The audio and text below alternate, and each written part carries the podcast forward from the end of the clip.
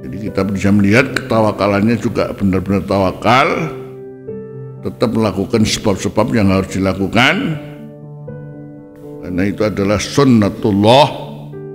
Di satu sisi kalau ada sesuatu yang mungkin menjadi dia harus lemah dan kurang, ya kembali kepada minta kepada Allah. Situlah dibukanya pintu doa agar orang ini kapan saja, di mana saja, ternyata harus tetap butuh kepada Allah. Kalau lewat doa sampai disebut silahul mukmin. Jata itu. Sampai doa disebut bukhul ibadah.